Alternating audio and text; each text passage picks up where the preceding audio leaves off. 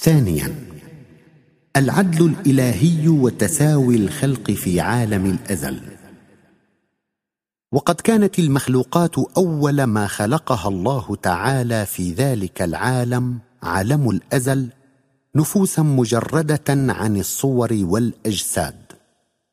فالإنسان والحيوان والسماء والأرض والملك والجان وإن شئت فقل كل المخلوقات كانت يومئذ من نوع واحد وذات صفة واحدة لا فرق ولا تفاوت بينها في شيء.